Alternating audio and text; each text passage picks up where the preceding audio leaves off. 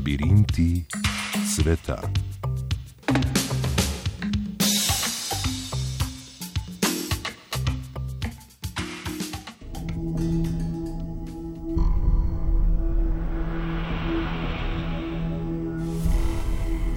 Imam ga, se je glasil tweet ameriške vesoljske agencije NASA ob fotografiji varno spravljenega kosa kamna izvrtanega na Marsu.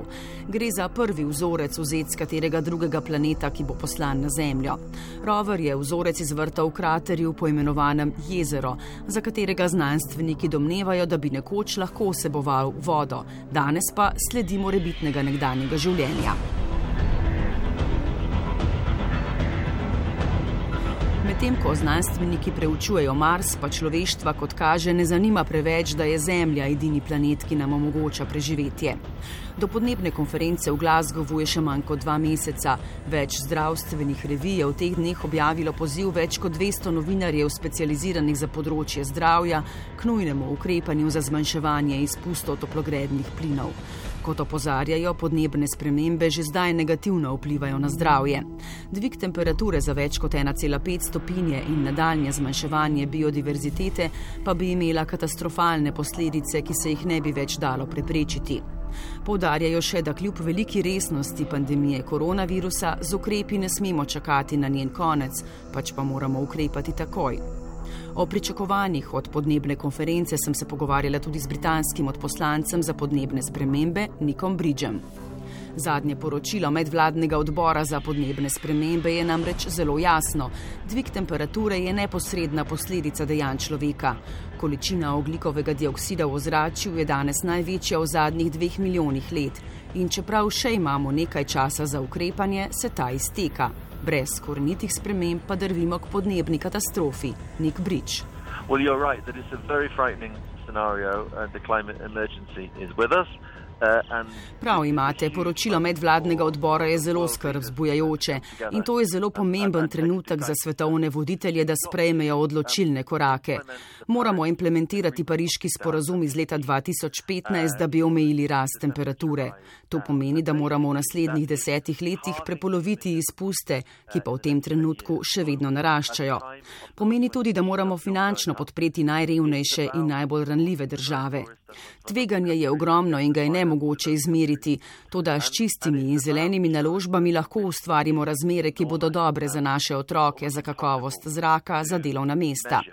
Od svetovnih voditeljev, ki so vsi vabljeni v Glasgow, pričakujemo, da bodo stopili skupaj in se strinjali, da bodo storili to, kar je potrebno, da bi rast temperature omejili, da bi se pripravili na to, čemur se ne moremo več izogniti in da bomo razvijali veliko bolj trajnostno gospodarstvo. Well, one of the things we've done is take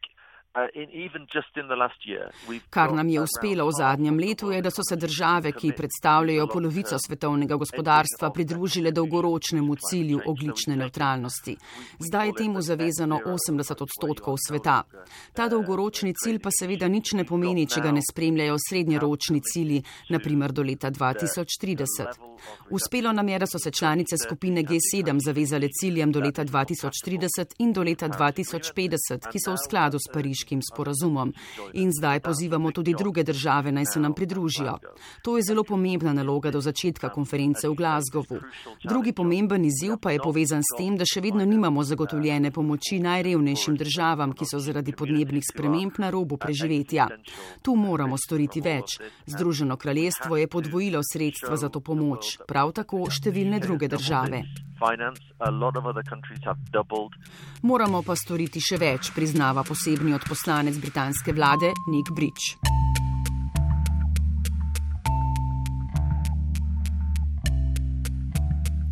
Fosilna goriva pa na zdravje vplivajo tudi veliko bolj neposredno.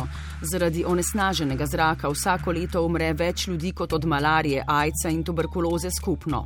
Po podatkih pobude Sklad za čist zrak, onesnažen zrak na letni ravni zahteva več kot 4 milijone smrtnih žrtev. Za soočanje z njegovimi zdravstvenimi posledicami pa je namenjen le odstotek vsega denarja iz razvojne pomoči. Veliko več sredstev iz razvojne pomoči gre za spodbujanje projektom povezanih z uporabo fosilnih goriv, kot je gradnja novih termoelektraren. Preusmeritev sredstev k projektom za čistejši zrak bi hkrati vodila v zmanjšanje izpustov toplogrednih plinov in manj smrti zaradi onesnaženega zraka.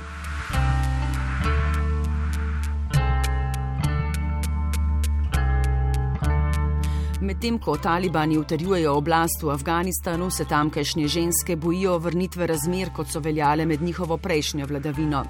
Ženske niso smele hoditi v šolo, celo iz hiše so smele le v spremstvu moža ali sorodnika, seveda s pokritim obrazom.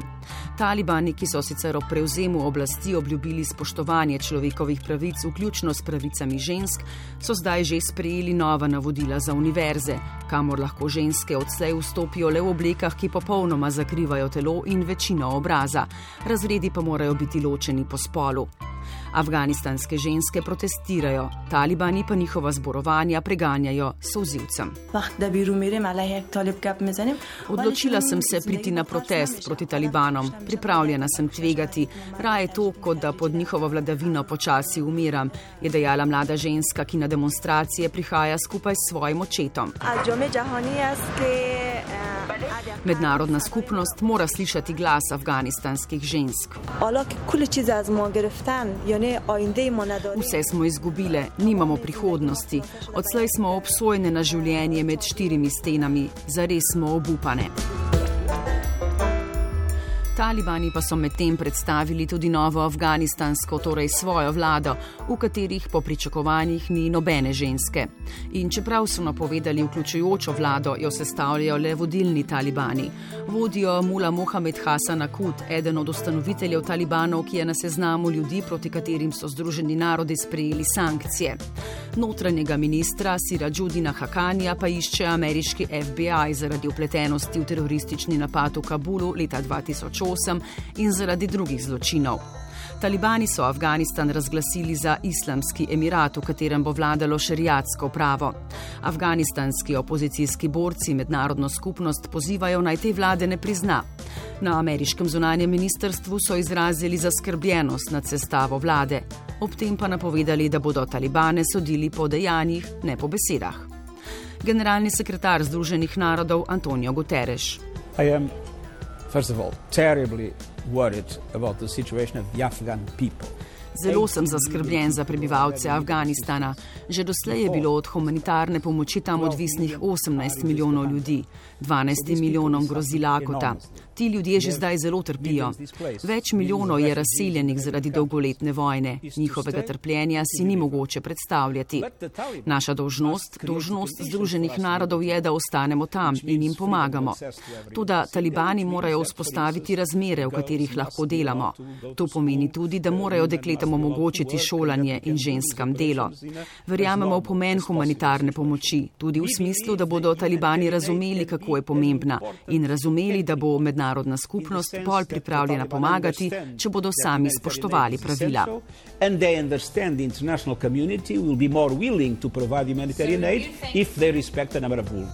Talibani pa so med drugim ženskam že prepovedali ukvarjanje s športom.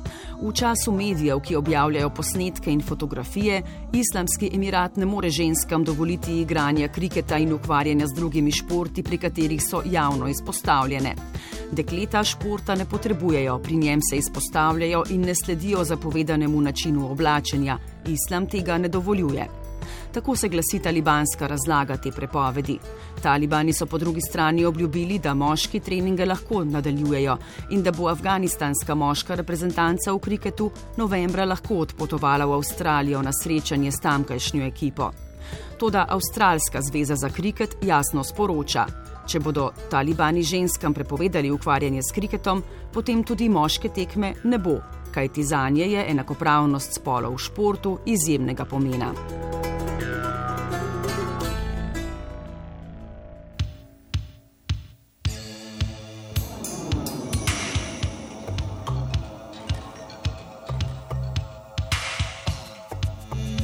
So bili labirinti sveta. Redna tedenska oddaja zunanje političnega uredništva. Tokrat sem jo pripravila Špela Novak, posnel jo je Janez Ahlin, urednik uredništva je Matjaš Trošt.